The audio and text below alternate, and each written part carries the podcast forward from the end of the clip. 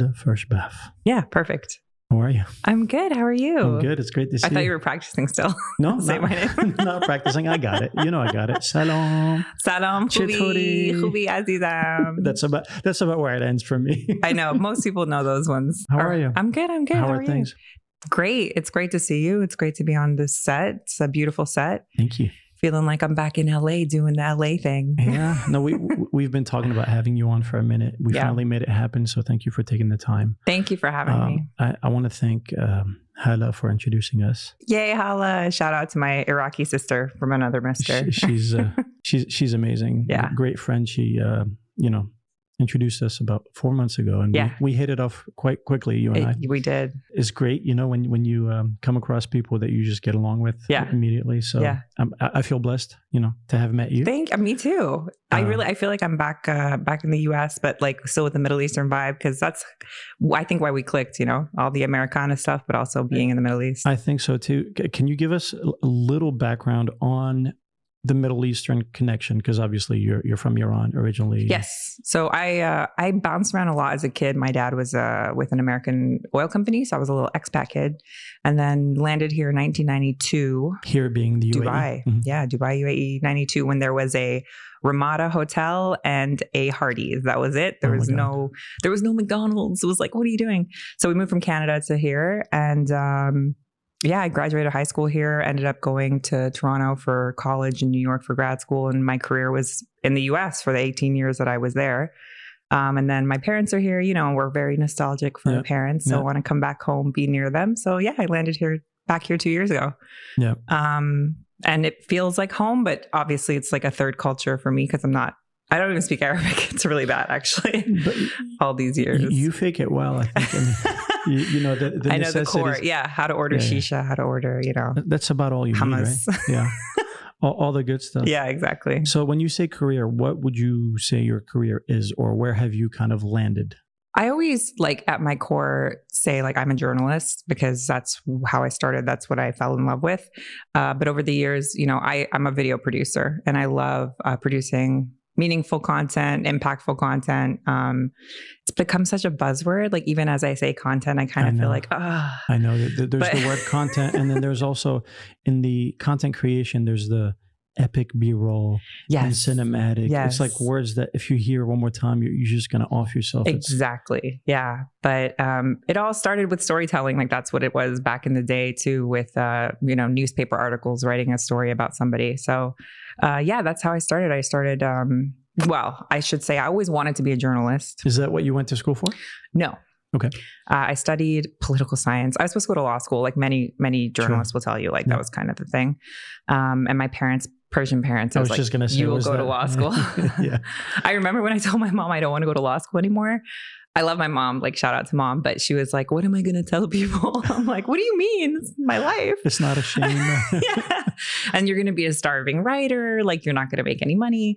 So I ended up going to grad school and uh, studying criminology of all things because I love like forensic files, Dateline. Remember back in the day, Dateline, Oh, yeah. 48 hours, like investigative journalism, this but like pre CSI. yeah, exactly. Um, so forensic, uh, a big part of the curriculum obviously was like forensics and all that, but then also at the time, um, Homeland Security was a big Oh thing. yeah, yeah, yeah. Um, and so I, I, I needed an internship my my final semester, and I saw at CNN there was one at Time Warner Center, and I applied to it, um, not having any business applying. Is this in New York or Atlanta? New York, sorry. Okay. So grad school was New York City, uh, and uh, and there our headquarters uh, for CNN is in Atlanta, but of course there's a huge bureau in uh, Time Warner Center in New York Yep. and in DC. Right. So somebody passed my resume to DC bureau because they had a Homeland Security beat, and they were like, "We need somebody like this." You know, she speaks Farsi. What year are we talking this about This is here? 2000 and we are gonna make me my age. 2008. Okay, so this is Yeah. well after 9/11 because that was yeah, yeah, that yeah. yeah. became It was such a still big hot. thing. It was still a hot topic. Like yeah, there no, was a but I mean, like 2001 to about 2006. Yeah. If you have any kind of security clearance, any kind of second or third language, exactly. you were like in, in, in high demand. Yeah, exactly. Because I didn't have a journalism degree. Like a lot of the interns, you know, at CNN, especially in New York, are from Columbia J School mm-hmm. because it's like you know top top school. Yep. And in Atlanta, they're usually from University of Georgia, which in that region is a really good school for journalism. But I ended up going to DC. I did an internship there, and I just fell in love. Like DC is a cool bureau because you're constantly going to like where the actual news is happening. Yeah. So you know, you go to Department of Justice, you go to uh, the White House if you're on that beat. And as an intern, I always say you do the cool stuff, and then when you get hired, they're like, "Clean the IFBs." Like, wait, what? Can, can I go back to being an intern? yeah, exactly. Um, and so from there, I ended up, uh, you know, I'm Persian, as we discussed. Persian. So Like yes, cat, yes. like meow, Yeah. like a carpet. What does he say? Uh, I am not dangerous. I will not hurt you. Iran has a nuclear program, but I'm Persian. Yeah. Um, so Christiane Amanpour was in New York, and she had just started her show Amanpour, which uh, is still in in um, today, but she does it from London. Yep. And I remember thinking like. I want to work for her so bad. Like it would be such an honor. She's amazing. She's amazing. Like she's the only person my entire career that I was so nervous around her. Like nobody and there's been lots of guests and people and whatever like I never was freaking out until I, I had to be around her and it, and she was so kind and warm and welcoming and she was like a mentor and just no ego. Anyway, so I I decided um from the the internship like I don't want to just become like a production assistant in DC. Yep. I want to work on Amanpour. And they were like, you can do another internship. So thank God my parents like approved because I had to go to New York with no income. Yeah. And it was just like magical. Like she, I was basically, they had six interns on the show. Wow. Um, I was the only one who got to like have face to face contact with her because I worked with the producer that did her um, research. Okay. So we would prepare, and I, I say we, but really Megan trusted me because I was an older intern. Like I had done grad school later. I was like Yep. in my probably 26, 27 at this point. They saw I was smart and capable. So they would let me do the full research for the entire team the day before the guest. So I would do the full, like, you know, research packet. Sure. And then you'd brief Christiane while she's getting like her makeup done. And she's very involved. And she taught me so many lessons about like, you know, being on top of your game and and and you know, standing up for what's right and all these things. But from a professional perspective, I learned so much about knowing what I'm saying before I say it. Like she would ask for clarification on some of the research and I would mm-hmm. be like, Oh, well, I think so. She's like, Well, do you know or not? Because I'm not gonna say it. You know, and you're just like, uh, I'll check, Oh, I'll she's check. a, she's a veteran. I mean, she Yeah. knows her stuff. Yeah. And so you don't, and I get it. Like she would write the intro. She, imagine this woman who is such a senior person, she would sit every day with the senior writer and write the introduction to the show that she would be saying um, on teleprompter. Not a lot of um, anchors do that. So she was very much like, that's my face. I'm going to be saying it. And we had cool guests and it was a great experience. Is, Anyway. is that to personalize it, or why do you think she did that? I think mean, it's to there's people- personalize it. I think she doesn't want to use other people's words coming out of her mouth. Yep. Um, the tone she wants to set it uh, because it, a lot, I, you know, a lot of anchors that I worked with, they just show up. I mean, they're there's some that are very involved, but there are some also Sure, that just sure, read the teleprompter. You know, You read the, you write the stuff. I read it. exactly. To the point that there were some incidents in Atlanta where they pronounced it wrong. You were like, "Did you not even read the script before?" But everyone's busy; they have Sure. their stuff to do. But she was Yeah. very involved, um, and I would have stayed with that show probably uh, for many years. But it was during the time I don't know. Only the Amanpour nerds know this. She left CNN briefly for ABC, I remember that. Yeah. and that was when I was there. Okay.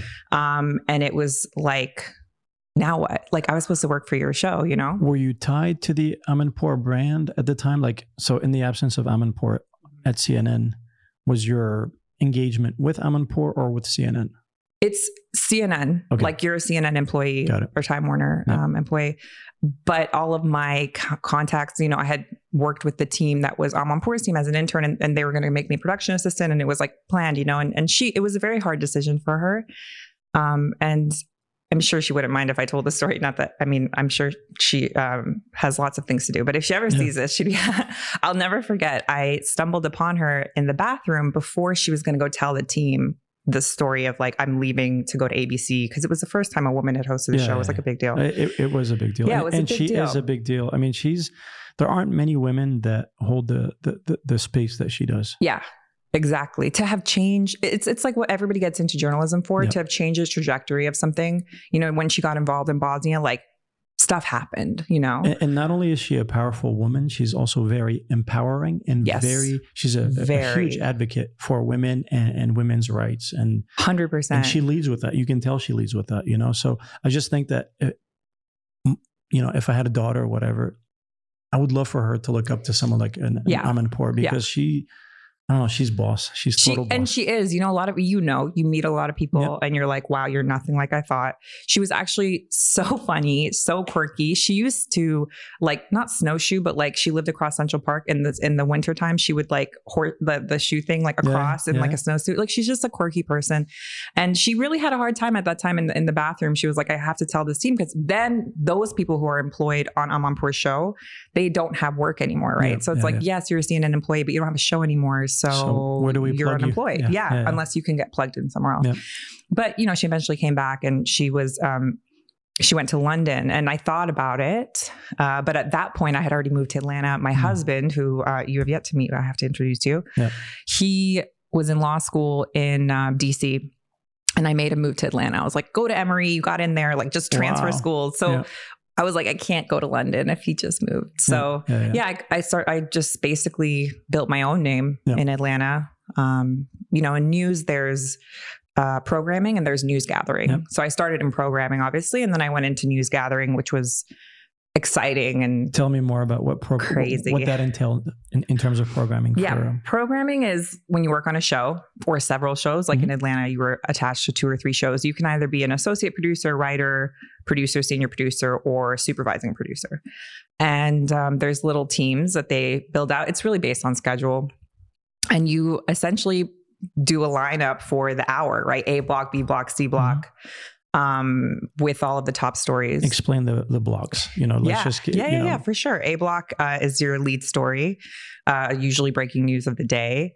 Um, a lot of Is it a, is it a timed thing or are they timed? Yeah, I mean, block. you do want to fit everything in before commercial, right? Yep. And so they they you can break it down if you want to do one thing on the whole, like one use their whole uh, a block for one story, you can do that, Mhm.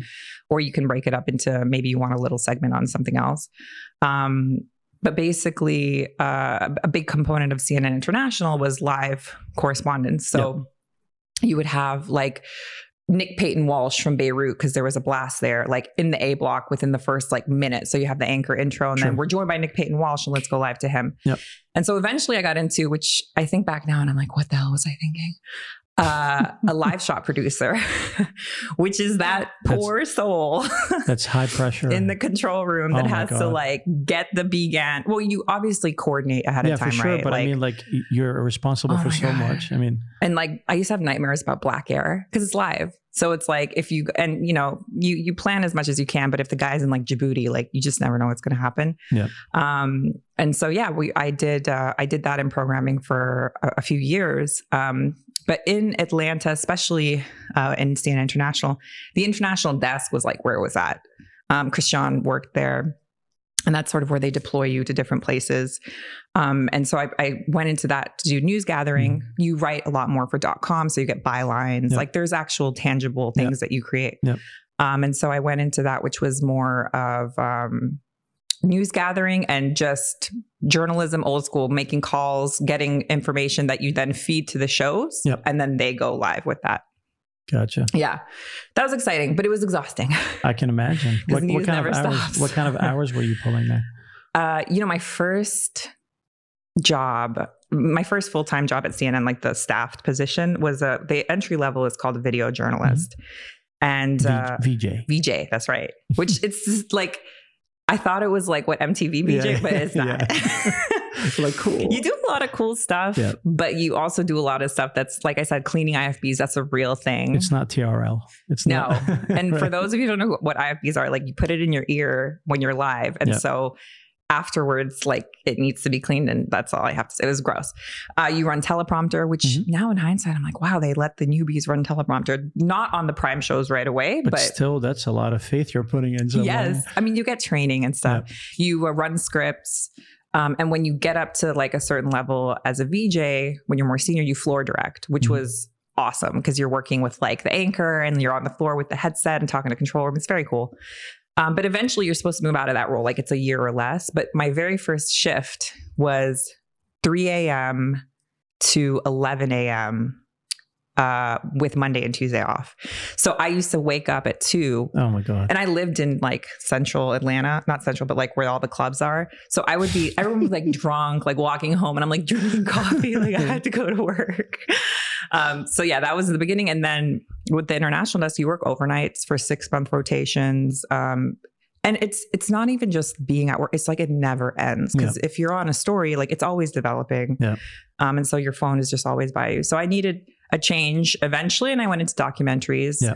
um, if anybody wants to do like beautiful long story long form storytelling yeah docs i mean what a dream job that was uh a very coveted unit at CNN mm-hmm. because nobody left, right? It's like Yep. nine to five, Monday to Friday, like unheard of. I don't know if you're familiar with an anchor. His name's Jonathan Mann. He was like Yep. top guy at CNN. He was telling me one time, he's like, I haven't had a Christmas in 22 years or something. You know, you just didn't get Yeah. those kind of Yeah. hours Yeah, with, with news. And it was a lottery, even for senior people. They would do a lottery serious? every year at CNN. You get you get Christmas off this Right. year? Oh my god! Yeah. and it happened like once every few years for Oh somebody God. if they're lucky, you know? What, so what year are we talking here? now we're 20. Is this post newsroom or or pre newsroom? When was Newsroom? Because you know I never really got into it like I- everybody. I was gonna ask because I would think for people who are in, into news, yeah. like that's your look. If you're a doctor, you know ER, you know Yeah, yeah, the yeah, yeah, Grey's yeah. Anatomy or whatever. Um, I'm a huge fan of Alan Sorkin, and yes. he's just such a about this. so. I don't know, like it made news exciting. You know what I mean? Like it is like that, by the way. Yeah, I think. Well, that, that- Yeah. that's kind of why I wanted to circle Yeah. back to that. I wanted to know if, if you, even if you'd seen, you know, snippets of it, did it feel anything like what working there was? Hundred percent, Yeah. hundred percent. Especially, I don't know if you remember, in, in Sorkin's show, I remember this because I was like, "Damn, they got even that right." You would get these alerts, so everybody is logged into like a system, and you pay because everybody thinks like, "Oh, CNN's breaking the story." Like they, everybody, uh, Fox, Yep. NBC, they all pay for wire services. Yep. So there's Associated Press, there's Agence France Presse, and Reuters. It's like an RSS feed. It's just exactly. It, it sends all and it's color coded, Yep. just like it was in the Sure. show. Um, and there's red, which is urgent, and orange and, and yellow. And so you'd always hear these beeps. And if it was something bad, like a bomb in Tel Aviv or whatever, it was like. And you immediately like. That's very good. Yeah. Your sound effects are very good. Thank you. You probably have it like you have the right key and everything. I know. I probably, I, I love it. so much. I love it. Um, and then it was your job on the news gathering side to confirm that story with your sources, you know? So luckily we did have people mostly like uh, in the major parts of the world. We had bureaus and stuff, Sure. but if it was some remote place in Africa, you know, we have stringers, what they're called, but essentially freelancers. Mhm. And there's a database, a stringer database. So, um, yes, Sorkin. So this is 2011. I don't know when that yeah, that's show. it's around that time. Yeah. yeah. yeah, he did really. I mean, he must have done his research, right? Well, like, he's he's so thorough with that Yeah. stuff, and you know, I'm sure he adds a lot of realism to it. You know, Yeah. and he sandwiches. He's just great at, at just working things that have nothing to do with anything, and he'll just weave it into the story and make it something amazing. Yeah, I remember. I saw a few episodes, but I remember at the time I was like, "This is too real. like, it's, I Yeah. live this. I You're don't like, I, I I already have to do this, like you know, ten hours a day. yeah, uh, it's Yeah. definitely uh, it get you know in your twenties. It's like let's do it. It's exciting. The the people that I know that are still there because literally, I left in 2014. Yep. Um, and I left. I'm happy to say it. Like I was working the docu and I loved it, but we had to drop what we were doing uh, to do a three hour documentary on Donald Trump. Hmm. It, he wasn't even the nominee yet. And I was like in month two of reading books. Uh, Had he, but he had announced that he was going he'd run, announced, but he was one of like 12 Right. candidates for a Republican. and by then nominee. people were still like, "There's no way this guy Right. makes the cut." Or Right, whatever. right. I mean, he was gaining traction, but it was still like there were so many people. Like I remember Jeb Bush was when I was like, "Why aren't we doing a thing on?" Jeb? Not that I wanted, but it was just like it's not fair. Yeah, And also, I had to read his books, and I was like, I don't want to do this. Like as a matter of principle, like I'm leaving. yeah. Um, because now I joke, I'm like, well, maybe you know, the Biden's gone, like I can go back. Uh, but yeah, it was just that decision to to leave um, in 2014. Uh, but up until then, yeah, it was like a dream situation, especially documentary Yeah. unit. I don't know if people have seen CNN documentaries. There's two, right? There's two different types. There's the ones that they just buy at like film festivals. Actually, I should say there's three. There's the ones they buy at film festivals. There's the ones that they post produce only. So like Bourdain's Mhm. show. I was just gonna ask about. Yes. Th- does that fall under the doc series? Yeah, doc, Okay. know, yeah, Yeah. doc series. Um, and that was like I never touched. I mean, it was just like this beautiful thing that I thought it was a CNN produced, so I'm assuming No, the third kind it's is zero point zero Productions, which was his production company. Mm-hmm, yep. I think it still exists. Yep. Um, really nice people in New York. So whenever he, he would be overseas, it was interesting. I worked with him when I was on the international desk. How? Mm-hmm. Because when Bourdain was in like Morocco and stuff, his team would check in with the desk. Yep. And when you're on the desk, you're given a region. Um, most of the time, it was like continents, unless a, a coverage region. Yes. here? So there's like, let's say 12 of us on shift. Yep. Uh, Netta, you're going to do South Korea because there was a ferry that, you know, capsized. That's a big story. And always the, the Arabic speakers were given Syria. Of course. Poor Saad, my good friend Saad Abedin, like God bless him. That man created the coverage that Yeah. um, CNN had because of his sources in, in Syria. Yep. And so when you're given those regions, you're not only responsible for the news. Did Arwa Damon do Syria Yes. also? Arwa was in Syria. Yeah. Um, so that's what I was going to say. Like, you're not only given the region to cover the news based on like, I don't know, local television, whatever. You have your correspondents in those regions Yeah, too, right? yeah. So, yes, Arwa, uh, Nima Elbagir went a few Yep, yep, times. yep. Um, Arwa is a fantastic person. She's very kind. There's just a lot of great correspondents. Yeah, and Ivan yeah. Watson is a really like seasoned dude. They have their act together. Yeah, I mean, it's like that old school journalism. For sure. I mean, we'll get into. I- I have some some issues with where CNN went post President Trump yeah, because I felt like it turned into our mission is to get this guy out of, uh, you know, yeah. I mean, and it's just almost to the point where like I'm not a fan of Trump. Right. I wasn't necessarily no. I'm definitely not a fan of of uh, Clinton. I mhm, didn't vote that year because I didn't like my options. That's the freedom Yeah, I was like afforded as a U.S. citizen, Yeah. right? Um, but they they like blatantly turned it super anti-Trump to the point where I'm like, I'm starting to like Trump now. Do you know what I mean? Like just because I'm like, I'm because you're I was- bombarded with it. like Yeah. enough. Like I just feel like they were, you know, tooting his horn. It's like Yeah. because he he's he's a media savant. The guy knows how to Oh, work yeah. the media. oh Like yeah. that's probably what a lot of people underestimated about him is it seemed almost random, but there was very little randomness about he's very calculated, in my opinion. Oh, 100%. And you're playing to his strengths. Like, why would you do that? Yeah, it was So uh it was interesting to watch unfold, right, in real time because at CNN, like most news agencies, there's a 9 a.m. call, and everybody from every bureau gets on that call given the time a, constraints. a like- stand-up meeting kind of a thing where like and all hands are all yeah, everybody calls in. You list most people are listening, Mhm. right? Like Yep. ninety percent. But Jeff Zucker, who's the C, um, president of CNN, Yep. uh, he leads the call, and they talk about what the top stories they want to do and this kind of stuff. And so it was getting to the point. I was like, we're going to talk about Trump. We're going to talk about Trump. And I think, I mean, this is public information. Like Zucker was president of NBC when Trump was at NBC. Um, doing the apprentice. doing The Apprentice. So they have a history. Like it just, I don't know what, and I think that's why Trump hates CNN so much. Like there's so much baggage, and it's just like you're right. I mean, uh, what I was saying before is like nobody I knew at CNN is still there Yep. because of that, right? Yeah, so you know we were talking about the correspondents and stuff. I just feel like it had, um, I don't know, it had more credibility in my eyes Mhm. pre-Trump. After Trump, I mean, I still like a few anchors and stuff, but I'm just I'm turned off. Like I'll go to CNN here and there, but yeah, I'm just really turned off by the whole. yeah. You're not alone. I've heard that a lot, and I think to to to be fair, let's differentiate between CNN international and CNN Oh, yeah, yeah, domestic. yeah. It's two, two totally different- different, channels. Um, and I think in general, domestic is constantly trying to compete for ratings and stuff. Right, unfortunately, there's some that cross over, like Anderson Cooper's show, Amanpour's show, um, Blitzer, maybe. Wolf Blitzer, Situation Room, and um, Fareed Zakaria. Yeah. They're on both networks, but for the most part, like it's different programming, you know. Yeah, so yeah.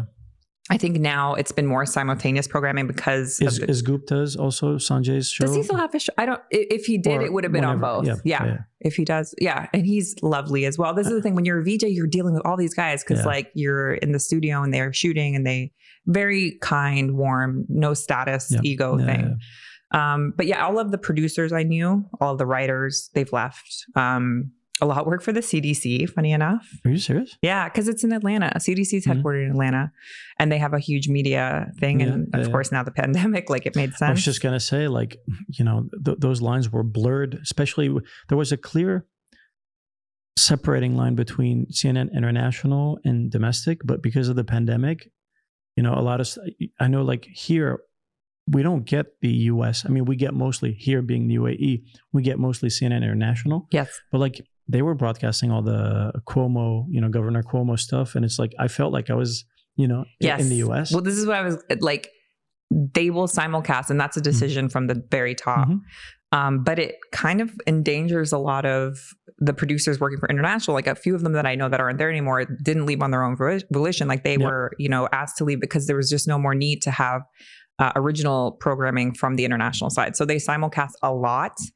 um, because there was, I would always say, like this fallacy that people in the Middle East or Europe or um, Africa like cared about the same things as the US. They just, I think that a lot of Americans that are in the very American sector, they think that. Yep. But yeah, like there's only so much U.S. politics people here want to watch. I, I, feel so removed being here, and you know, both in a good way and in a bad way. Like if I want to tether back in, I don't feel like I get it as straight from the source mm-hmm. as I did when I was there. Yeah.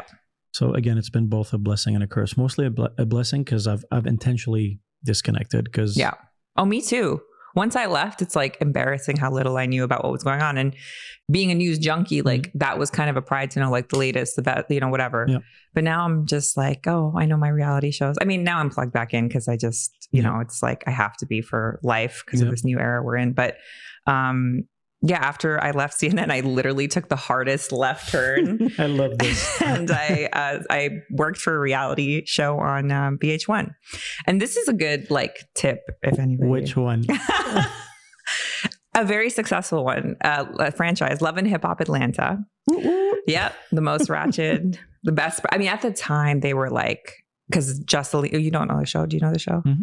Joseline Hernandez was on there. She's mm-hmm. like a Puerto Rican princess, oh, very big star power. Yep. Um, and so ratings were super high. Um, How many and, seasons did they do? Oh God, I think they're on. They're still. It's still running. I think they're on season eleven now.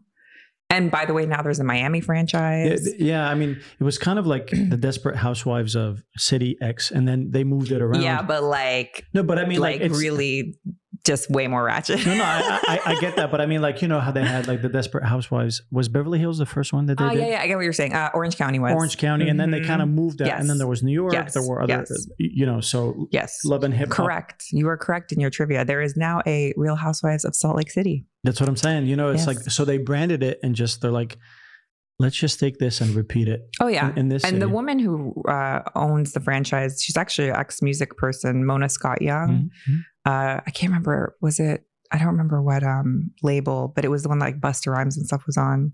Island Def Jam, I want to say, no. or he was on Busta Bus. He was on Flip Mode Records, but they were uh, an imprint of yeah, I, I don't I remember. Forgot. Sorry, yeah, yeah. I, yep. I, would Google, but but I, I, do know the name. Yeah, yeah, she was so she combined those worlds, right? Because like that's what Love and Hip Hop Atlanta is about. super smart. Or New York, I think was the 1st mm-hmm. one, which everybody, yep. you know, if you don't know, that's where Cardi B started. Um, and so yeah, it was really cool. I literally went on LinkedIn, typed in Love and Hip Hop Atlanta producer, found a guy. His name's Gavin Lee. He's awesome. And I was like, "Hey, would you be interested?" Because I had no experience doing reality. Did you have any connection to him or nothing? Nothing. He yep. just saw CNN, and he was he's a CNN junkie, which okay. I think is really cute because that he was, factors in. I yeah, yeah, yeah, yeah. Even though like he's an amazing reality show producer, but he's like a news junkie. it's like yeah. so different worlds.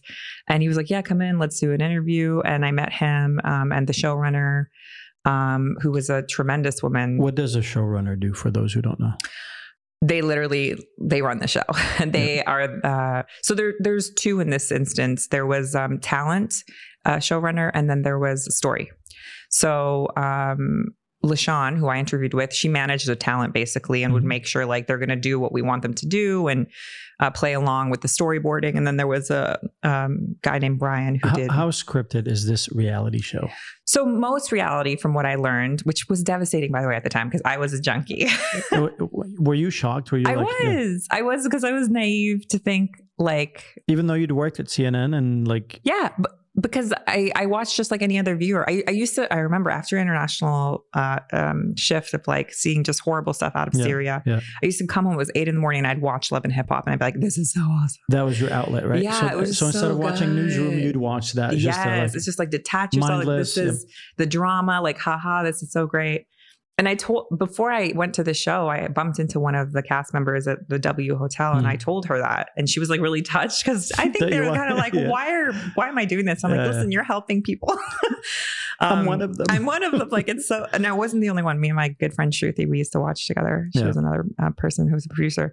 But anyways, so um, it, it's scripted to a point, right? Like VH1, I think takes more liberties than like a Bravo. Yep, yep. So, like, you and I really do know each other, but like, let's say we didn't like each other, right? We would not go to dinner and have drinks and try to work it out. We just would avoid each other. But Yeah. then, you know, in in the reality world, they're like, well, let's get them to go to dinner and let's get them to talk about it. And on top of that, you then have like talent producers that are like, yo, Zan, Netta said this about you, you know? So it's like, But they, so they wouldn't straight up tell them what to say. They No. they would just create situations that's gonna produce correct. drama and And that was all like calculated by the story executive producer or showrunner, whatever. He was a bald guy named Brian Shormack. Genius, genius. He writes still for like the Miami series. Yeah. He was like a mad scientist, just like writing it all.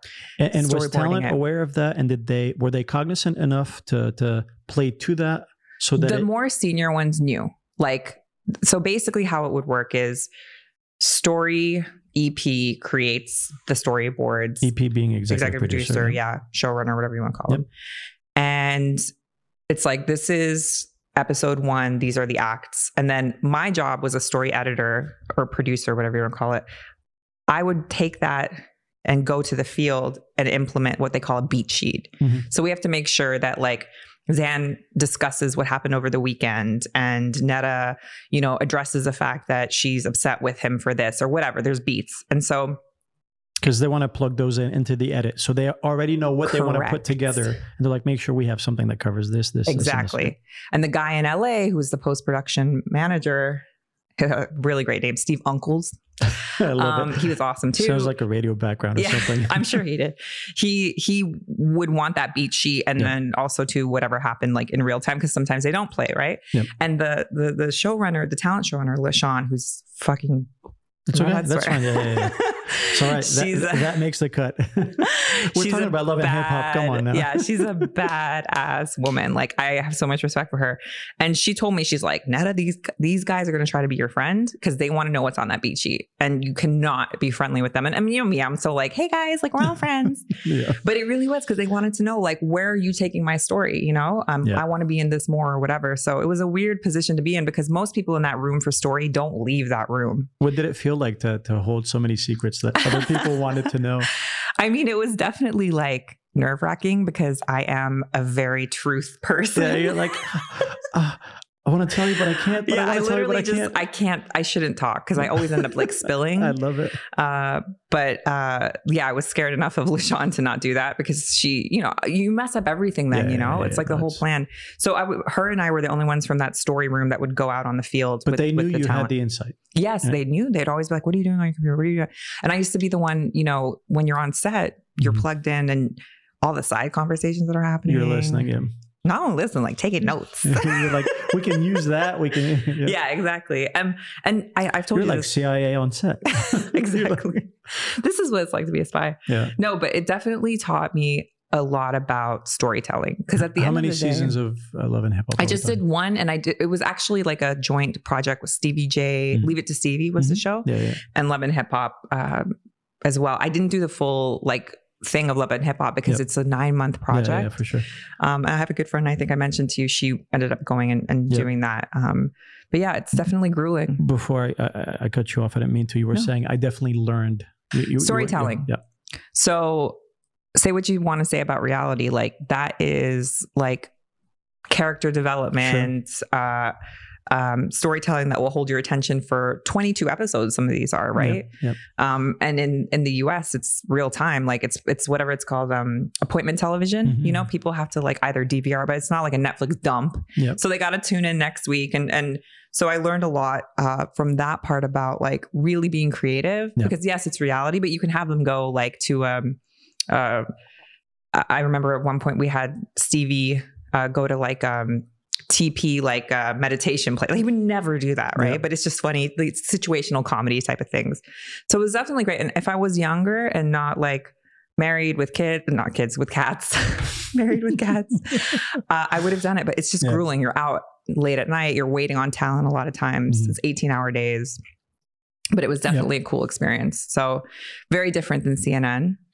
Um, What was demystified for you after having done that? Just All of reality or just that specific? Well, because I on that show, I worked with a lot of people who worked on like um, Real Housewives of Atlanta and like uh, Ti Family Hustle, right? Mhm. Like for the most part, like Was TI the biggest thing to come out of Atlanta in terms of like, was he in Atlanta? yeah, yeah, he's in atlanta I mean, the, the so I'm saying as a show though, was that like the show that kind of blew it open for other shows? to- no, I would say Love and Hip Hop. Love and Hip Hop. yeah, okay. and and the Housewives of Atlanta was a very good, fr- big Yep. franchise. Yeah, At yeah. one point, I think it was the best one, which Yep. is says a lot because Yeah, Beverly I Hills is a big one too. Yep. Yeah, I wouldn't know which one came first, but but um, the Ti Family Hustle show was really good too. But it was on a different network now, or was it on VH1? I don't remember. But anyways, it, it definitely like pulled the curtains back, right? And you realize it's a lot of people management. Mhm. Um, it's a lot of creating situations that are interesting versus like, oh, these people lead really interesting lives. Um, because the reality is, like, if you shoot something how I thought you sh- shot it, which is you just follow someone around forever, Yeah, it's like, horrible. Their, their their lives are so interesting, and Yeah. they can't be that interesting. So, how much of that category was? I mean, obviously, the Kardashians aren't the first reality, right? Mhm. Neither are uh, Newlyweds. Uh, you, you remember Jessica Oh, Simpson yeah, and, and Nick course. Lachey. But h- how instrumental or how impactful was the Kardashians for other shows to do as well as they did? Would you say it had something to do with the success of? Yeah, I think the good thing that I've seen from the Kardashian show is like they you you you what you get is what what they are what they are. Like it, it really seems like yes, I'm sure they create scripted um situations, right? Like that they go Mhm. uh, to a, a chalet and camp or whatever. But this uh, authenticity, bringing your real self to the game, right? So it's like I can create as a producer like this situation that we're going to script, but you have to show up and give me like who you are, Right. and and so um, I think that for a lot of producers was like you need to get like the real person out of your talent, and that's for everything. Like every time I produce anybody, I'm like you know people want to be like relate to you. They want to they want to hang out with you. Right. like they want to know you. Like that's why they're going to watch you not because maybe you're pretty or whatever but that only lasts for so long right? It's like they have to actually think you're cool and want to hang out. They have to relate. What they have to yeah. love or hate you. exactly. Exactly. And even the hate part it's like because they're giving you something. It's not just like this uh, filtered filtered is not like censored version of yourself Yep. and i will say i mean the kardashians like they're the sisters are fighting with each other like they, they they're going there you know and I've seen in an interview before, Kim said, or one of them said, like, when we agreed to do this, we promised that we were going to show everything. And like, it does seem like they've allowed that. I mean, it's been, it was what, 18 seasons or something? They had to show everything. I've never watched a single frame of that show, so I. I It's funny you say it's that. been it's been a long time. I'm a junkie. I've maybe seen like three episodes because I just couldn't bring myself to like get in. I just felt like that was too far. Too far in what sense? too far in like hype bu- buying into the hype of like reality and instagram and and like this new world that we live in where it's like It, it definitely felt new world D with them. you Yeah. know, even though they're not the first kid on the block, yeah but there was. Remember, like with 9/11, there's definitely pre 9/11 and post 9/11. With Corona, there's going to be pre Corona and post Corona. true There was definitely a pre Kardashians and post Kardashians. yeah And, and so again, they're not the first nor the last, but yeah they've kind of because it was a um a multi-pronged approach right Yeah. it wasn't just a reality show it was product it was you know advertisements it was all the they stuff threw you know everything at it. yeah. genius Yeah. of their mom. I, I read a quote once. Um, the devil works hard. Kris Jenner works harder. it's like she's a genius. Like she's created this empire for her kids. Yep. But anyways, definitely, I think that part of it, I, I would take that away. Like even though I watched, I watched everything. I watched. Do You remember um, the guy from um, Poison, Bret, Bret, uh, Poi- Poison the band. the band. Yeah, was it Poison that he was in? Bret. Oh yeah, yeah, yeah, yeah, yeah. Um, This guy had a Bret- reality not Bret show. Michaels. What's his name? Bret. Bret Michaels was a wrestler, right? No, Bret Michaels. It it's is Bret, Michaels. Yes, yeah, yeah, yes, yeah. yes.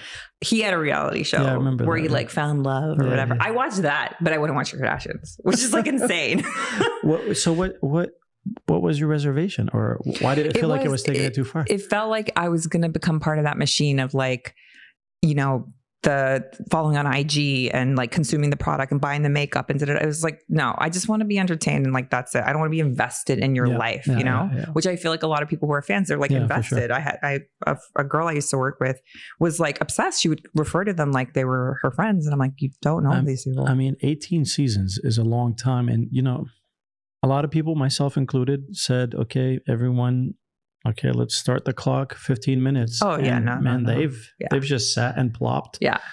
And uh, yeah, it's insane. and they're interesting people. I saw her on um, Letterman. She Her- her did being, uh, oh, Kim oh, Kardashian. My, next guest needs no introduction or something yeah like i mean there's clearly she has like an x factor they all do right uh, that you want to watch them because a lot of times too um, when i was shooting at Le- uh, love and Hip and leave it to stevie there'd be moments where i'm like this is this is boring you know but whether through the magic of post-production or a good producer like There's so much magic there. dude That's Like where you- that's where the magic Yeah. is. I mean, unless you're like someone with like uber uber uber charisma, yeah uh, you you can't carry something like that without post production. Exactly, especially when you have like four hour shoots, you know, like people tap out, they're exhausted, they're it's the end of their day, like it's a dinner party, they don't want to be there. So for them to create those moments in in post, it's it's why they're paid big bucks, you know. Yeah. And I, I had a a previous uh, employer that she would always be like, "Oh, but you know, on this reality show, like we only shot for this long, and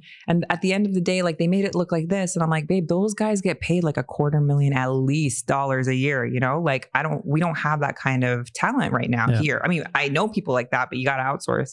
So it's like you pay what you get for it. And I think those guys, rightfully so, get paid."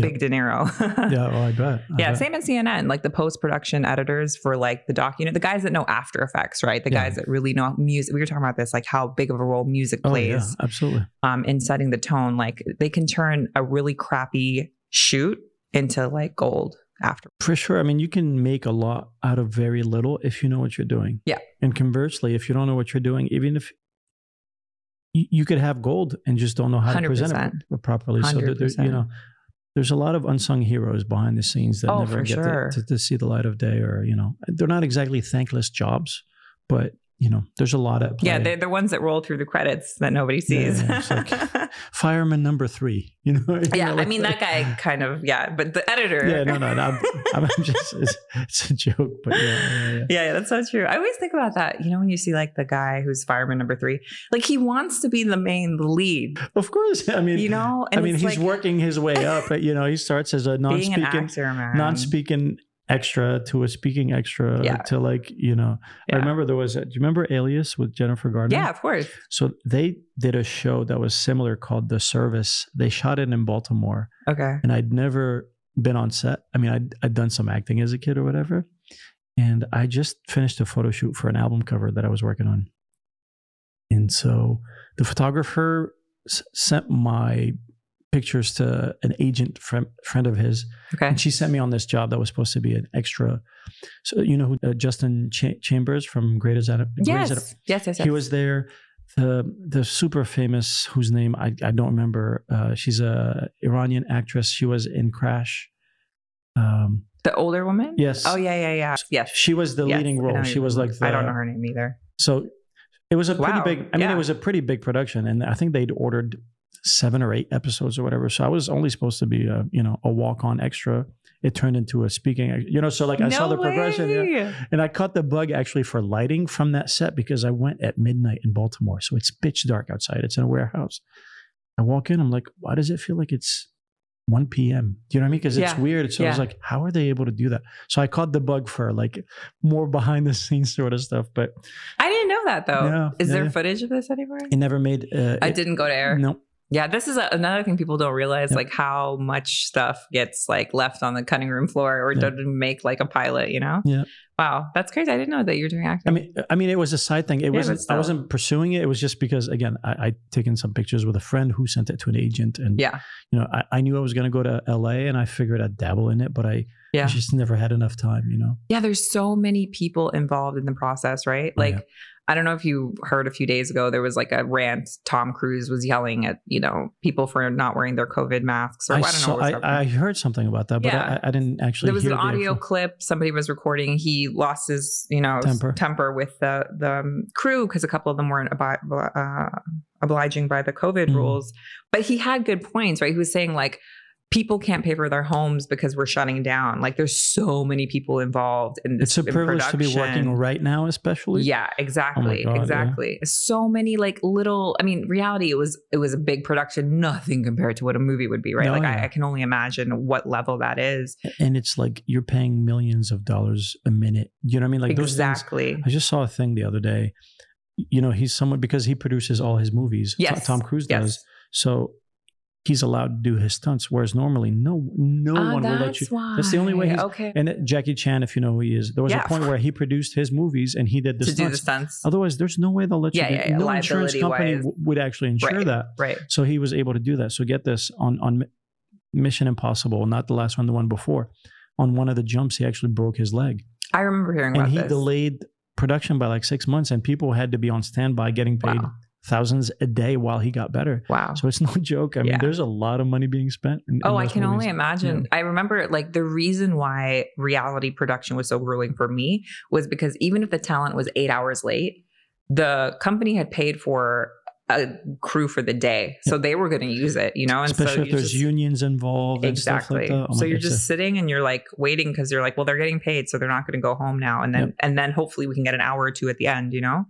Uh, but definitely, like I, there's so many unsung heroes, and yeah. I think this is the first time, by the way, I've ever been in front of the camera. Like I realized this on my over here. I'm like, I've only been behind the camera because it's not only comfortable, but like, like you said, there's magic to be made. Oh, for sure, back for sure. that back there. no, but you're you're comfortable. I mean, because a lot of people once they snap back into the oh my god, I'm in front of a camera, yeah. they, they panic you're you're you're you know you're at ease. You don't feel like, and Thanks, plus having dude. having the headphones also completely like I know it does. shelters you. You're like it's like happy place. We're right here, right? We're just we're conversing. Yeah, yeah, yeah. yeah. Now yeah. I see the camera. I'm like, oh my god, that's right. The camera's on. You can wave. You no, can wave but camera. Hi, camera. no, it, I definitely listen. I'm a producer, so I've seen right. that. Like, I turn it on, and all of a sudden, the person that I was like jamming with is like, "Hi guys," and I'm like, "No, no, no, you have to like loosen up and just be yourself." I think for us, because we're we're both quite comfortable in our own skin, I think that is oh, that's a huge part of yeah, it.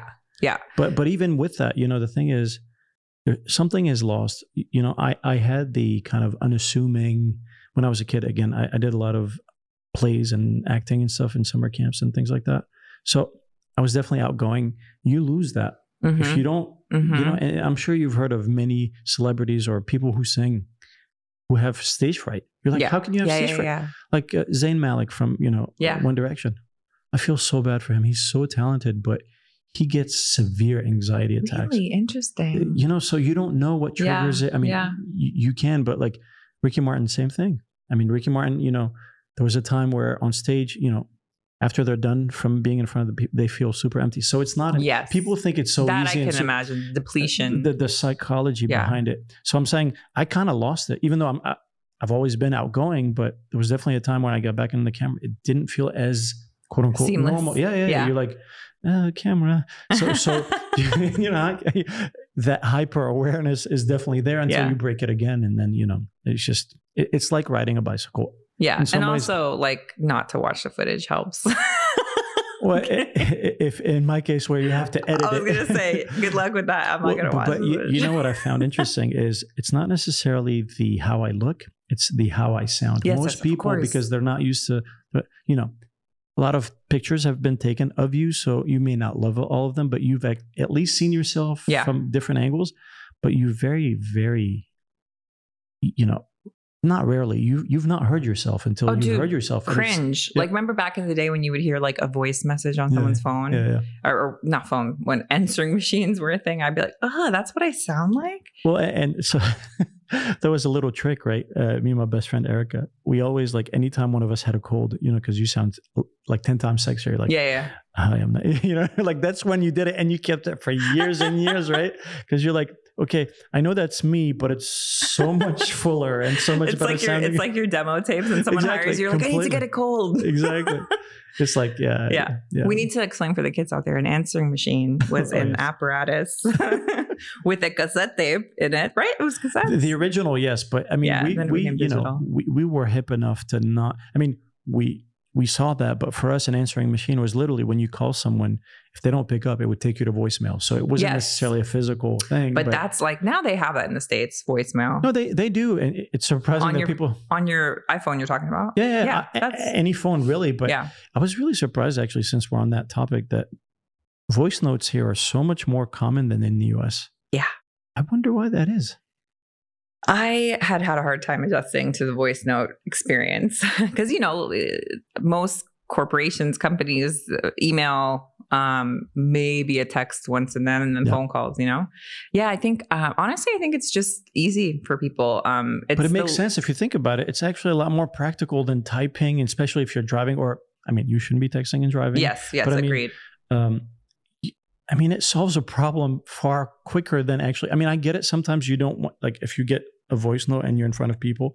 If it's a text, it's easier to be discreet and private. yes. Whereas a voice note, you have to like start it and then like put- Yes. put, the phone up or whatever. Yes. I think it's a lot more invasive to the person receiving it. It's a lot easier for the person giving Send it. it. Yes, agree. And I think, listen, I agree with you. There have been times where I've been like, okay, I, I understand it better because it was spoken to me. But my biggest pet peeve is like giving me instructions to do something on a voice note. Because Yes, then, yes, then yes. I'm taking notes Yeah. and replaying. it defeats the purpose. It's like, because you didn't want to do like, it. pu- Put it on text. It's a lot easier for me to refer. It's like, what second did he talk about the part? Exactly. Yeah, yeah, But for the person giving it's like so easy because they're just like, blah, blah, blah, and then they throw if it out. used properly, I think it's great. Yes. but it can be misused very. My husband has a theory it's the lowest form of communication because he's saying that it it's like I'm too lazy to text you and I don't want to talk to you on the Right, phone. exactly. Because uh, realistically, too, it could be a phone call, right? Like, especially when it's a back and that- forth. You, you know, it's I don't know if it's a cheap thing or whatever. I mean, in the U.S., minutes or talk time is no longer a thing, whereas Yeah. here it still is. Yeah, for, is true. for a lot of people. True. So That's a good point. part of it is like money saving, which I understand, but I, I much prefer. Okay, my preferred method of communication is this: what we're doing, yeah, like yeah. face to face. Short of that, I would say it's a phone call, not a text Yes. or a voice note. I mean, leave that for not emergencies. I mean, everything doesn't have to be an emergency, but like I'm, I'm a call, like talk to me. What's yes, up? You know, exactly. Again, like you said, when you're driving, I've done that before. Voice note, hey, I'm running 10 minutes late. Really sorry. I'll be there soon. Right. But it is invasive. The person there, I know that they're receiving it in the restaurant. They're having to listen. Like it's not the Yeah, same yeah, yeah. kind of situation. But yeah, agreed, agreed. it's a, it's, it must not only be an Arab thing because I know like in Africa they use a lot, but it's Yeah. definitely like a, this EMEA minus the E Yeah, region. right. no, but uh, yeah, but Europe? yeah, no, I agree with that. I mean, Middle East is big on that, but um, even in Europe to some extent. But I was surprised by how much un-American, like in the U.S. Like I remember my my buddy Hassan. You know, uh, we had a show on YouTube, and when I was in the U.S. or going back and forth, like Eric would be like, "Why doesn't he just text?" Like yeah. I had just learned about it, and she was kind of perplexed by it.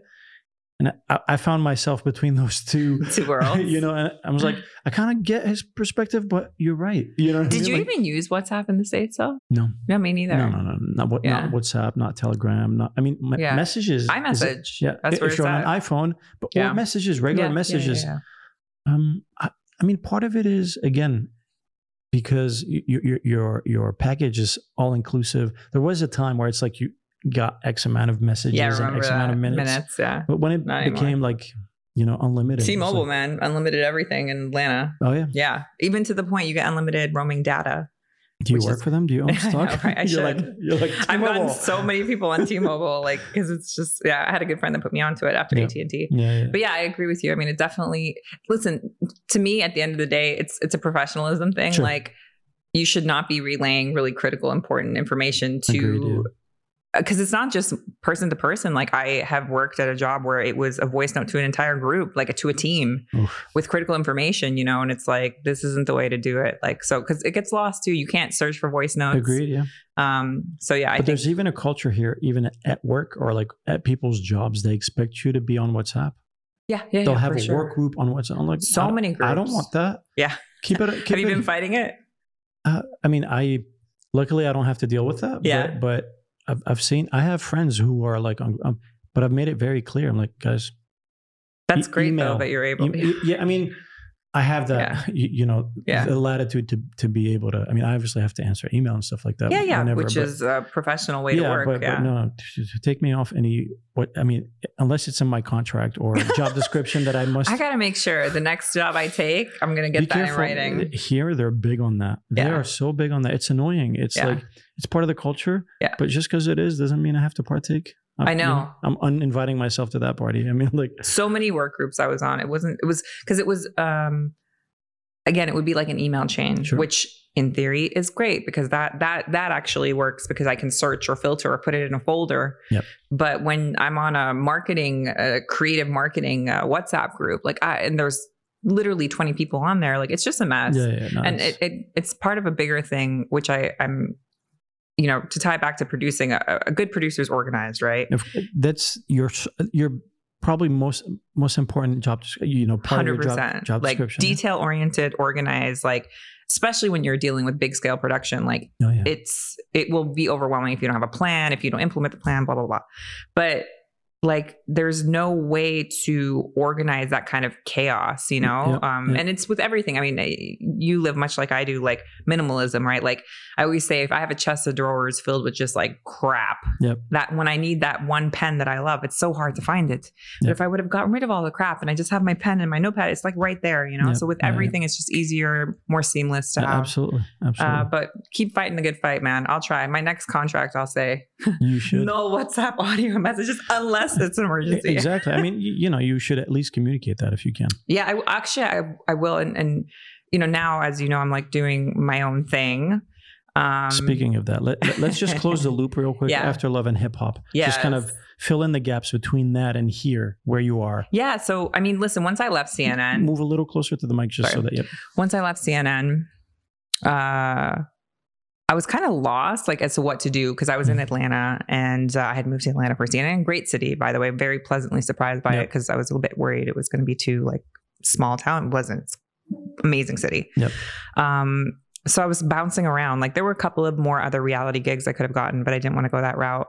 I worked with Home Depot corporate communications for a little while you told me that. yeah which was an interesting experience i think for me it was just kind of like the last like attempt like well maybe i'll try corporate america um just wasn't for me really great company but did you ever see the movie office space Yes, of course. it was like that like w- it was out in the burbs it was Mhm. like yeah, yeah. a complex that was this and I did it for six months and I was like, that's not for me. But Were you doing online content? so Oh. actually, the woman who ran the uh, marketing department, she was vice president of marketing, really brilliant young woman. She was like 34, 35. She come from Heineken.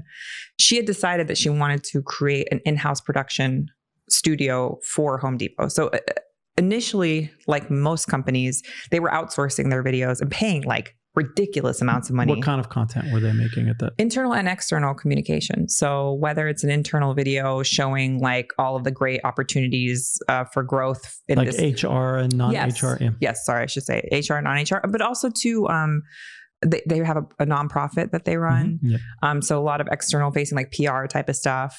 Um, and they had always paid people to do these videos. I mean, they did cool stuff like the the foundation would build a home for a paraplegic man that's handicap friendly. Yep. You know, and they would pay for that. That was Home Depot. That, that- something they spent something like hundred million dollars, I think, on um, charitable donations, like for this Home Depot foundation. Mm. It was an amazing foundation.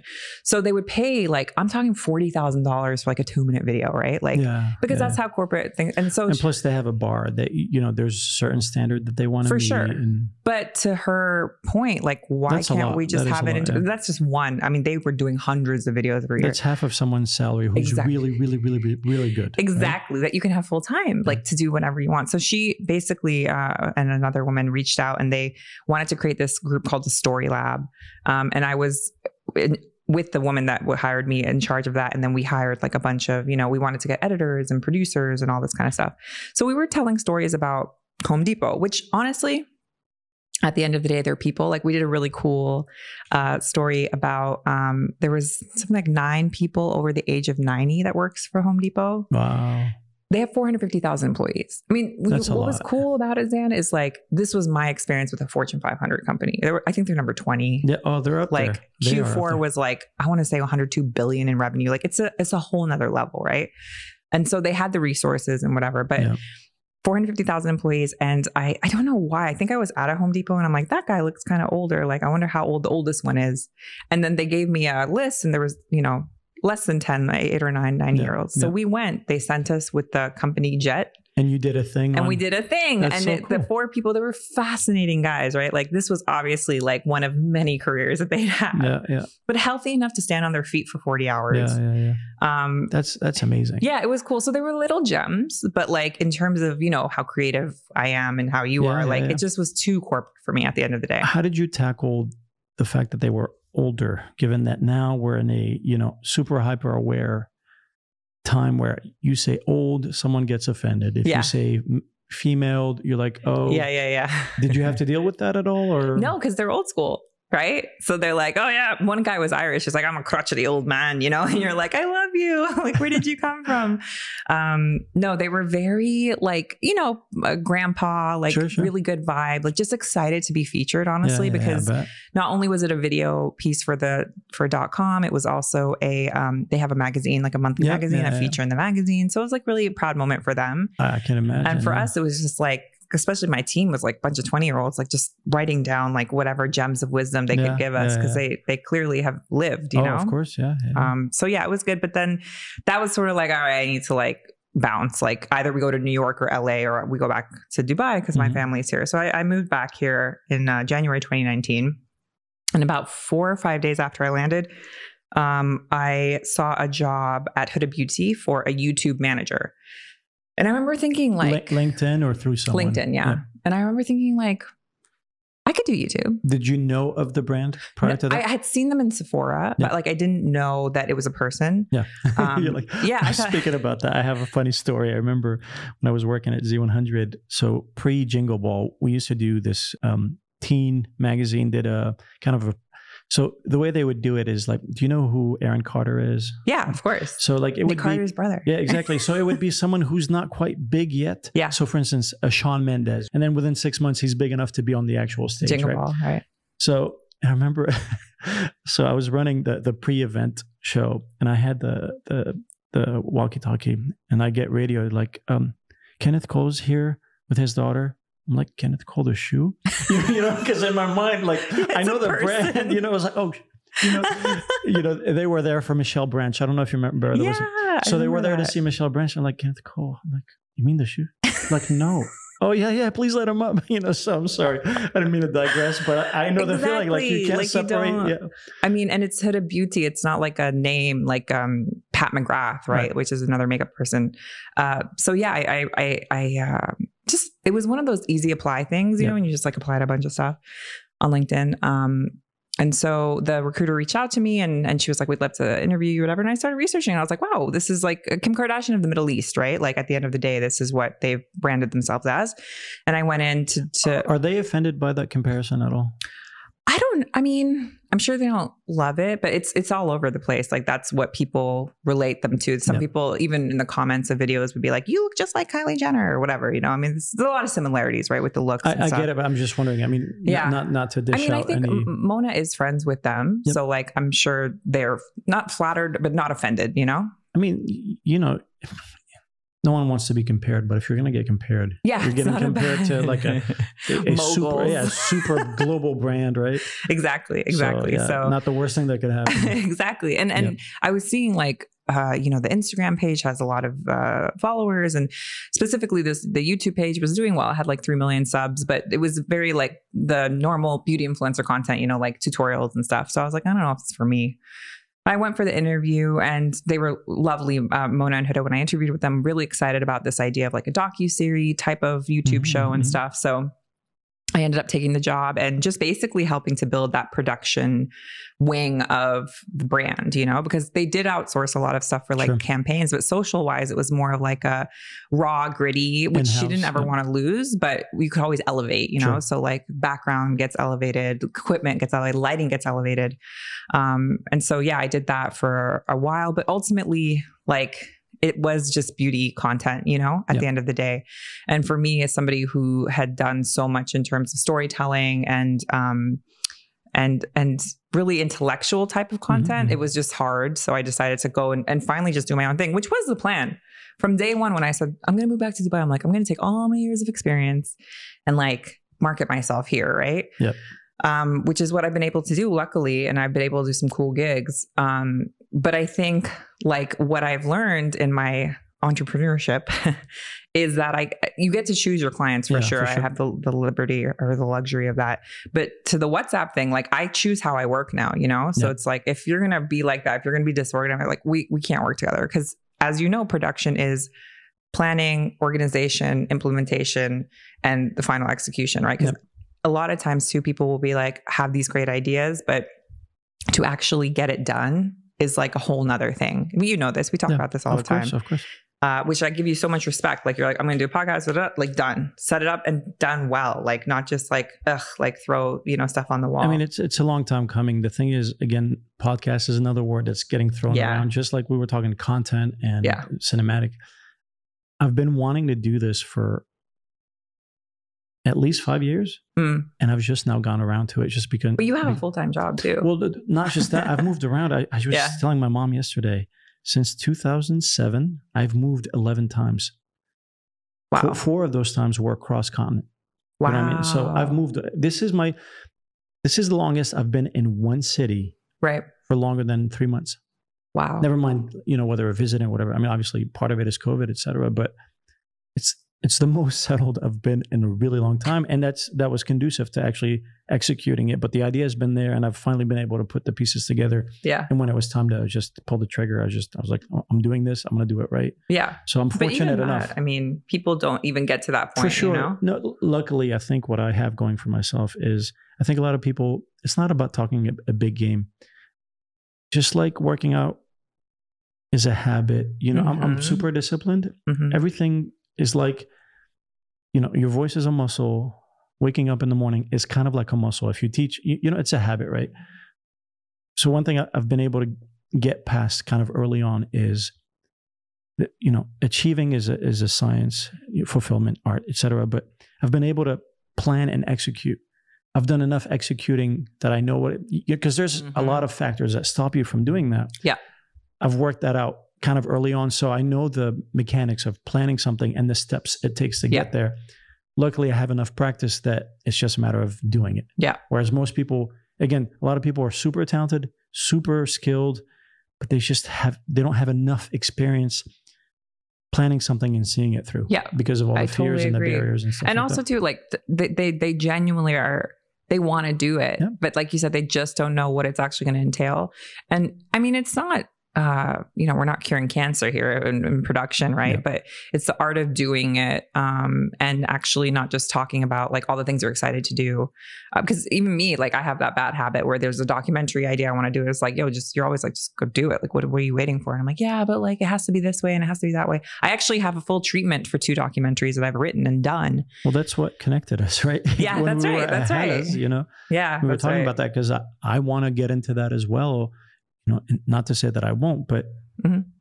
you might have 10 ideas if you can execute on one or two you're you're that much further than most people who Yeah. actually don't get again not that we're better than it's just No, we have the skill set. I mean, mechanics, yeah, literally, yeah. you know, for me, I mean, I don't have the skill set for that you have in terms of the technical stuff, It- but it's not about that. You, the knowledge you bring to the table is is priceless. I mean, you know, thanks, dude. I mean, I can show you how to uh, script a documentary, no problem. Great. You just got to deal with the, you know, all the technical stuff with me. I love it. Uh, but yeah, I think definitely, even working for myself now, like I- I get gigs. It's very gig based, right? As a freelance producer, mhm. and it's cool. Like I get to choose what I want to do. I even had the, luxury the other day being like, I don't really want to do because a lot of what I'm getting requested for because I came from Huda Beauty is like social content. Yeah. And that is the reality of the world we live in. I get it, but I'm choosing not to go that route because or for- you're more selective, probably. yeah, I mean, ultimately, no real like I shouldn't say that, but no real producer. Like, no real. I shouldn't say that. No, but like that. no real producer is gonna want to work on social content only. Like everybody who wants to be like they want to work on a Hollywood film. Like I wouldn't, you know, I shouldn't say like maybe that's a dream of somebody. I don't want to squash someone's dream. You can do social produ- social production isn't that hard. It's like, you know, pretty seamless. Like every, eh, literally that's the creation of what an influencer is, right? Turn on your phone inside. But that's kind of where that's I don't want to say it's the new Hollywood, but the old model is It is. is kind of disappearing, right? I So- agree. But, but people still watch Game of Thrones. People still, you know, tune into Netflix for Yeah, yeah, that of kind of course. high quality Oh, yeah, yeah, production, right? yeah. Um, so this notion that like, you know, social only, like I want to grow my Instagram page. But It's I'm like, saying, like, if you cut your teeth on that today, yes, It's a great skill set the to have. You're at the forefront of For whatever sure. happens next, right? for sure. Yeah. I mean, that's what Quibi was supposed to be, right? Yeah, like yeah. in theory, they just hit it at a bad time because of uh, Corona. Mhm. And if people don't know Quibi, it was like a um, mobile, you know, vertical uh, content so that you could consume while holding it like this. And it went under because nobody was out and about anymore. But I, I guess from like the whole social is relentless, right? Like um, even YouTube, like YouTube, Instagram, Facebook. I mean, we we both saw the social dilemma. Like it's designed to have you addicted and have you waste your time on those platforms, right? That's the whole like premise. So how how I want to be involved in that now is going to be in more limited capacity. So it's like, whereas before, probably I would have been like, yes, you're a social only brand. Let's do it. Now it's like, I'll, I'd rather work with a brand that has other avenues and Mhm. social is one of them. Speaking of the social dilemma, how much has that factored morally for you as far as the things that you do? Because I mean, obviously, people if people are either watching this or listening to it on the different you know platforms, Yeah. It's not that they're wasting their time. Like for instance, for me, No. after the social dilemma, for instance, on YouTube, you're supposed to put end cards. You know, like go yes. to the next. yes.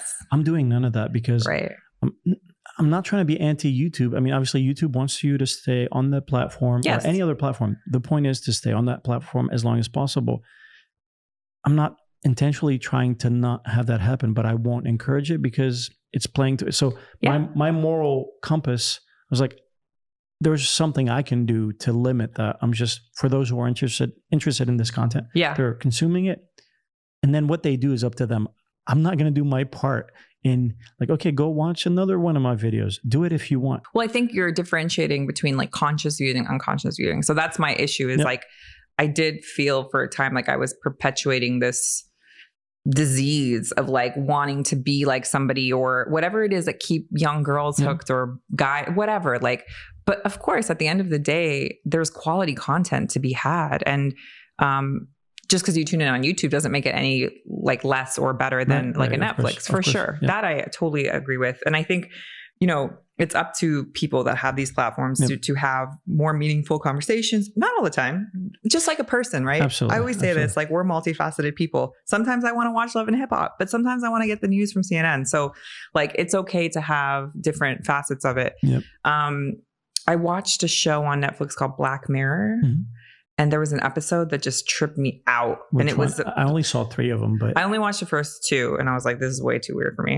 Uh, but the guy was in this like constant bombardment of content. It was that one, with the guy that's like on a bike and he gets points, oh yeah yeah yeah, yeah. and it was like Yeah, content, yeah. Oh, content, yeah. content. And I was like, "Yeah, there is like stupid videos that's like a complete waste of your life. Like you were getting no value." Unconsciously watching that, I have a problem with, and I think a lot of um, when I say social content, I mean the stuff that's being created specifically only for social. It's like, it's one thing if you're like, I have this brand and part of my strategy is to have content on social that people will consume. what if social becomes the only thing that's out there i mean i don't think tv disappears but radio's days are numbered you know like yeah, yeah, yeah, for sure. i mean it's either streaming or Print whatever is dead. you, you know what I'm saying? So a lot of things are kind of moving away from there was a, uh, I don't know, the, the platform. I mean, the content might be similar, but it's no Yeah. longer on a. I mean, you know, the whole on demand. You, you saw what on demand did, right? yes. Uh, DVR and all that stuff. What if we all go social? Like, what if suddenly everything I mean, is social? technically, We're almost there. yeah. Even Netflix, like streaming services, Yep. right? Like digital streaming, Yep. whatever. I think my problem becomes when it's mindless scrolling, you know? And Facebook tried with Facebook Watch to have like shows that you would actually tune into. And I'm sure IG will go that route if they haven't already. I don't know if they have already, They're but competing with so much. that's the thing. You're it's such a competition for eyeballs. And I think the problem for me is like, listen, we're talking about different things. Like if you want to have a show and you wanted to stream on YouTube, Liza Koshy had a really good show on Mhm, YouTube. It was mhm. actually great. I watched the whole I series. It was great. She's- she's yeah, I mean, yeah. she's, she's a very nice person, by the way. I met Mhm. her when I worked I'm for sure Huda, yeah. and she was hella cool. She I- I still edits her own YouTube videos. Props to her. Like, man. she's, she seems super raw and real. I love that about, is. and I think that's her. That's her secret sauce. Yeah, and her team, like her manager, they're all just good people. Um, so, anyways, the the those kinds of things, fine. My problem is like the garbage that some people just want to throw up just to make themselves famous you know? I think that's the whole the whole idea of this like influencer right? Like i had an epiphany when i was in la one time because we were dealing with like a woman who was very um uh, seasoned A-list celebrity Mhm, type, and she was like punctual, and she was very poised, and, and literally her talking points were things I had read in magazines. Like she was, as Liza Koshy would say, PR trained, right? yeah, yeah. She said that Liza Koshy would be like, "I'm PR trained." Um, It's like the highest certificate you could possibly Yeah, get in that world, right? but I- I realized like there's this new breed of celebrity that is Agreed. the influencer, right? Agreed, yeah. And they've literally just turned on a phone or a camera in their room and they've gained all these fans. But they haven't been vetted. They haven't been vetted by managers, agencies. They're just kind of being exposed to the public. And so what they say goes, which listen, there's a lot of great influencers that Yep. do really beautiful, great content. But The barrier to entry is so much exactly exactly and so as a result you have literally millions of videos being uploaded what every second or whatever they said. And there's no arbitration. No one decides how good something is or not. Exactly. You're kind of in there with people who are amazing and people who are just, you know. exactly My nephew is six years old, right? I, I asked him last year. his what- youtube channel No, but I asked him what you want to do. He's like, I want to be a YouTuber. yeah That's, Yeah. that's what someone wants to do Yeah. now for a living. i mean you could make real good money but I'm saying, States. like, he obviously is not aware of the money Yeah, factor. It's just that's what's hip to a five or six year old. Yeah. Do you know what that's I mean? That's how they're watching their con- that's how they've been watching their content i Oh. remember uh my i had a supervisor at cnn his name was stefan simons he was german big german guy Z- Zidjelmans. Does it talk like this? He's a really big guy. He's such a cool guy, but he had kids and he's like, Nada. He used to call my name like that, like, Nada. You sound like Arnold. Yeah, that's how he was. I wish I could put a picture up of him. He's Yeah. like a Schwarzenegger. He'd be like, We are dinosaurs. You know, like my daughter, she doesn't even know what television is. Like she just watches YouTube, you know, and this was like five years ago. Oh, yeah. Um, so yeah, I think there's a shift. I guess my issue is like the ones that are like, I want to grow my Instagram page because I want to be famous or whatever. It's like, no, I, as a real, as someone who's a producer, um, like at their core that has done storytelling, like it's just hard to be fulfilled with that, you know? Yeah. I think if you're in your 20s, you just want to like Oh, be yeah, part yeah. of something, it's super cool. But Sure. you know, I'm I'm getting older. Like it's just not something that ultimately is is fulfilling to me. What is fulfilling is is creating storylines and um having basically making something that has some sort of an impact, whether it it's just entertainment for five minutes. Uh, but good entertainment, you know, not like that was so dumb. Like, why did I watch that? Yeah. you know, even sometimes I, I've, I've, I'm human. Like, I've been on TikTok once for like an hour. It's not I'm a like, crime. It's I'm never crime. getting my, It's- I'm never it's a- getting that time back. But, but, Yeah. and I say that. I say that because I have a very good friend, my best friend in New York. Her name is Shakira. She works for a Late Show. with Stephen- Shakira, Shakira. Shakira, Shakira. She's amazing. Um, I didn't realize my entire TikTok feed because of the work I used to do was like makeup stuff, Yeah, yeah. which is why I was always like, "This is such weird- well, what am I? Why am I watching all this?" Or dancing, you know. Yep. She was telling me there's this whole, and maybe you already know this, this whole emerging TikTok world where it's like really deep videos. Like people are like talking about Oh, yeah. real stuff. Yeah, yeah. And she shares some stuff, and I was like, this is really beautiful. Like, I'm good with that because that's connecting us as opposed to creating this like barrier of like, I'm being entertained by someone else that I, you know? Agreed. Yeah. So there are really raw, authentic conversations being had on social, and I'm all down for that. But Yeah, I feel like to your point, I feel like a lot of platforms get hated on f- because of what the prevailing content that does well yes. on that platform. Yes. But that's not a fault. No, it's the That's not public. it's yeah, the yeah. people. Mhm. It's But, the but you know, it's like, you know, a lot of people say you have to go where the public is, right? So if the public likes to consume this, at what point do you have to make content? Like, are you dumbing down the content? yes. yes. You know, yeah, I know to appease the, you know, Yeah. it's uh, chicken or the egg. It's, uh, you know, I don't know. You, you know, we could talk for hours about, yeah, about that stuff is that. definitely, I think, within the entertainment world, like a huge social dilemma that they're having. Yeah, agreed. um, because one part of social that I don't like, which is a reason that I, I think also too, if I'm completely honest, I've, I've shied away from it more, is everybody wants numbers. Like there's real time Oh, yeah. Oh. results, right? It's obsess. I mean, like that obsession with how many views, how many subscribers, how many Exactly. that. Exactly. That's a new currency. Like Yeah. there was a time, you know, whether if you're a musician or an artist, before they used to care about how many units you've pushed or sold. Mm-hmm. Now it's how big's your following, how many eyeballs. Exactly. So it's and you can do cheap stuff to Oh, get yeah. those eyeballs. You can get, you know, to get the clicks. They're not quality. They're not uh, people who are who. I'd rather have ten people watching this, yeah.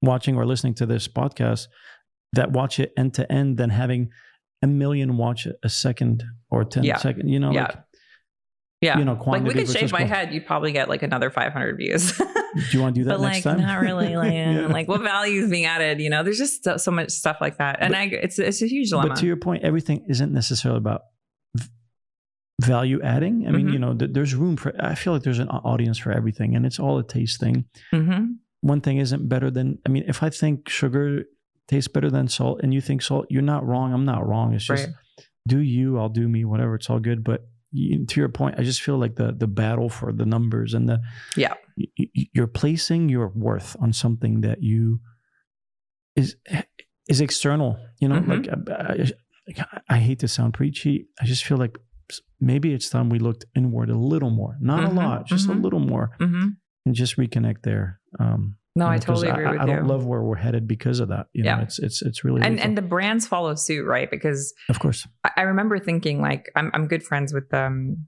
a production manager uh, that does huda's campaigns her beautiful uh, makeup campaigns Mhm. and she has the luxury this this girl of sort of just making sure it's the most beautiful production with like a beautiful storytelling or whatever yep. But they don't usually perform well on social because it's not made for social. It's not a social friendly video. It's very much like um i always say the video a, a commercial you would watch before a movie you know like the dior j'adore Yeah, dior right? Yeah, like yeah. those kinds of things.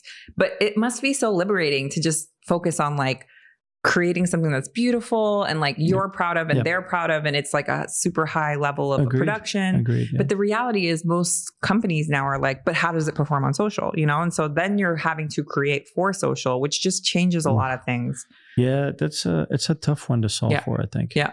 It's definitely something I never dealt with extensively until here. And also, to Dubai is very agency heavy. Yeah, for sure. Um, so you have a lot of like marketing and this Yeah. kind of thing. I think in Sure. New York and LA, still you have like those, you know, quality production, old school like situation. Everything's morphing, but yeah, I, I agree with you. Dubai seems uh, less grounded. I feel like Yeah. a little more not show offy. It's it's it, it would be wrong to paint it in that light because Yeah. you know it's multidimensional. Even if people only see the flash and the you know the the material stuff, there's Mhm. more to it for sure. But Oh, for sure. Yeah. I, I agree with with you. So what's next for Neda?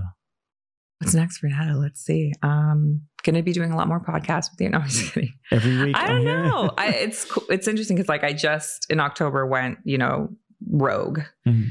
Um, had a couple clients and like anyone who's looking for you know this career path, like there are the two types of routes, right? I'm, I'm glad you brought that up because I was going to ask what you'd recommend. So go ahead. yeah, like as a producer, it's great to have a steady paycheck for sure. You Mm-hmm. get a salary, you do work for the brand you're attached to. Um and there's different way places you can produce for, right? Like my friend I told you works Mhm. for a late show, Yep. a late night talk show. Um uh, she used to work at CNN. Like you can always do different things. the the last week tonight. Uh, no, no, no. The um, uh, late show with Stephen Colbert. Okay. Yeah, Yeah, CBS, what Yep. Letterman's show. Um, but that whole world, right? Like there's that, Oh, yeah, that show, yeah, and then um, you know we talked about Jon Stewart coming back as well. Hmm. Um, but you're tied to a show. You're tied to a common, a, a, like a whole, team, a whole Repetitive, theme, yeah. repetitive, right? Mhm. It can get old really quickly. Sure. The nice thing about CNN, and I, I always tell people, like it was the best university to go to. I mean, all of us say this. All of my friends that are now doing all these different things, man, we learned so much, and like it was being taught the best way to do everything. So we constantly kept that standard wherever we Mm-hmm. Yeah, went. the level is so high. I mean, you're you're you know It's a well-oiled Creme machine. Oh, we yeah. used to joke when we were there because you know when you're with your friends and you're like bitter about whatever, you could put a body into that seat and it would work because the systems were in place and Yep. the training was there. Mhm. So it was like literally you would be trained for weeks with manuals and uh, you know, you have mentors and senior producers that are teaching you. And it was just a great environment to be in. And the nice thing about it is there's so many different um, buildings within that. So Mhm. there's CNN.com, there's CNN Espanol, there's HLN. Um, broader, it's uh, Time Warner. So there's Cartoon Network. Some people I know went to Cartoon Network Yeah. from CNN, which is nuts, right? They're like doing stuff with cartoons now. Mhm. NBA TV. But so every time I got bored, I would go to a different unit. I would go to a different department, literally a whole new The space. variety was there. Yeah, it was, and variety is the spice of life, right? Mhm. Like as Oh, somebody yeah. who's an expat kid, I mean, I, I, I bet you if I did the math too, 2007, I'm sure I moved as much as well. Yeah, I mean, I Gotta think change it that's up. I think that's also partly why we connected Yes, so quickly. We, we share that in common. We're easily bored Yes. unless we love what we're doing. exactly. But we're also well versed on a lot of things. Yeah. So we love variety and we like stability. You know, we seek stability, but stability after a while is like, okay, Yeah, on and- to the next. And I told you we were talking about this. I'm big on spaces, so it's Mhm. like, and a very nice guy that I know has been at CNN 20 years. He put it on his LinkedIn, and I know where he's been working for 20 years. Is the same desk in the same newsroom in the same floor of the same building. Yeah.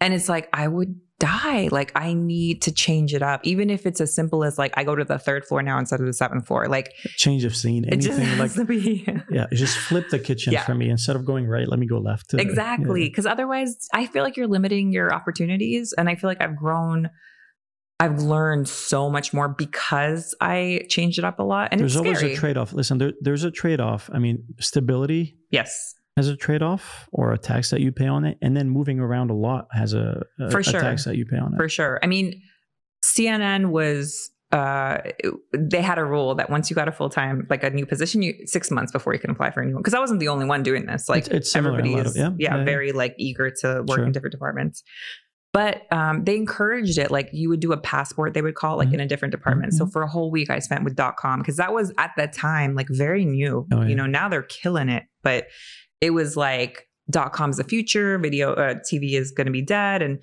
and they doubled down a long time ago Yeah. on that Yeah, yeah. um, so that part of it, the stability is great. Um, like I said, CNN was a special situation, but other places it's like very like the same thing, the same people, whatever. Mhm.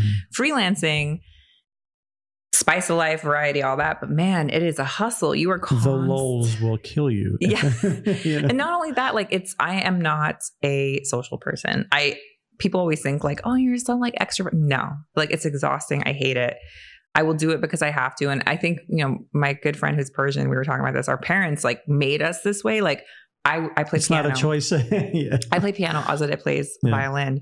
And both of our parents used to do this. Like, Neda, like, playing piano buzzy Like, come downstairs and play piano. Like, I'm eight. Yeah. And like, come downstairs, like, knots in your stomach. Like, hi, everybody. Like, let me perform. I'm so excited to be here right now. Yeah. Like- and I'm going to perform and put on his face, but inside I'm like dying and shake everyone's hand. So, like, I'll do it, but like, I don't like it. And a big part of being your own business and being an entrepreneur is networking, Sure. you know, going and meeting people and, and et cetera. So that part of it's been challenging. I've been tapping into like a. and it's COVID. So I'm like, I really just want to stay at home and like in a ball. Yeah, yeah. I mean, you, they didn't see, but I was like, did you disinfect the headset? Like, I'm very paranoid. I get it. I get it. So yes, if you are an, a person who likes to grind and hustle, um, and there's so many positives to being on your own. Sure. Like I work on my own schedule. I work with who I want to work with. Um, you make your own rates. Like I feel like I'm compensated much better on my own Yep. because I'm making my own rates. Uh, so that part of it's definitely great. But yeah, I, sometimes I miss like a full time check. Yep. Um, so I've been like looking and seeing like, oh, Vice is here. Interesting. Like maybe I go, you know, like it, Yeah. it's tempting. Yeah. My husband's like, seriously, it's been two months, like on your own. Like, come on. and I've been making money, so which is nice. Yeah, yeah, yeah. Uh, but yeah, it's just like, dude, do I really want to do that continually? Because as you know, and people should know, producer, it's gig based. Once you're done, it's not like um you It's- have clients that are conti- like it's a one time thing most of the time. Maybe if they're doing it again, but it's such a big purchase for people that Yeah. they usually just do it once in a while, if Yeah, yeah. that, you know. I mean, there's demand for it, but you know, the budgets vary from like no budget to Oh. like Don't get me started on the no budget people. Oh, I'm like, I've gotten to a point. I'm 37, and and I think you know your coaching has helped me a lot too because Zan is a great uh, entrepreneur coach. He, uh, you know, I I think mid, being Middle Eastern, being an immigrant, being a woman, like I had a hard time demanding like a certain rate for my services, you know? Uh, And I know I'm really good at what I do. It's not that I'm insecure about it, but it was just always this weird thing of like, in Farsi, we call it taro. Like, no, no, no, you please, no, please, no, you, no, no, you, no, you. And it's like, you get screwed in the end. Yep. And so um, I've been much more forthcoming with like, yo, you see my background. Like, what do you mean you want to pay that much? And so there's so much of that It's I've a noticed. culture. Yeah. I mean, it's yeah. Yes. And there's people willing to do it for much less, which is like, do, go with them, you Yeah, know? for sure, like, you sure. can drive a Mitsubishi, no disrespect to Mitsubishi, but wouldn't you rather drive a Rolls Royce? Like, uh, that you're going to have to pay for what Yeah. you're getting, you know? What what saddens me is a lot of people. You know, it, it's called false economy, or Yes. it's like let's go with the cheap, and then they'll hire someone who's a lot more expensive to fix what the cheap couldn't do. Yeah. That's not always the case. Yeah. But man, come on. You know, people have their own tempo, their own speed. They'll Yeah. they'll find out, you know? Yeah. And you can get quality. Like I- met a very uh, talented young editor that we ended up hiring full time. He's amazing. And he's inexpensive because he's young, right? Like Mhm. at the end of the day, he has like two years of experience, but like he just gets it. Um, I agree. And there are some times where you pay a lot of money and they're garbage, Mhm. right? But I think there is a false economy here of like, well, I can get somebody to do it for half the price. Like, well, great, that's not worth my time. So Yep. go ahead, you know? I think there's always the right client for for you and vice versa. You know, when you when you connect, it makes sense. Uh, it's not as easy as having something steady, as you mentioned. Yeah. But you know, I'm I'm such a fan of what you do, and I, I could immediately tell that you were really good at what you do. Thanks, dude. yeah, we Um, met on that podcast set. That was awesome. Yeah. Yeah, Yeah, yeah. Like ma- like work wise, we Yeah. did the podcast thing. Yeah, Yeah. yeah, for sure. Yeah. I can't thank you enough for taking the time, Neda. This Thank was you. great, and I, I, you know, I'd love to have you back on when either you're working on a documentary or on something super exciting. Which you know, I'll give you a few months. okay, that's the Oh, timeline. yeah. A few months to a I year. I want to say inshallah, but that also might mean like it's never going to happen. So inshallah, Well, in mean, a good way. Yeah, yeah, yeah. Ho- just you can say hopefully slash inshallah, right? Hopefully slash inshallah. Yeah. Thank you definitely. so Thanks, much, Zan. Ned. I Thanks for having it. me. All Thanks, right, I'll see you soon. Um, Cheers. Thanks.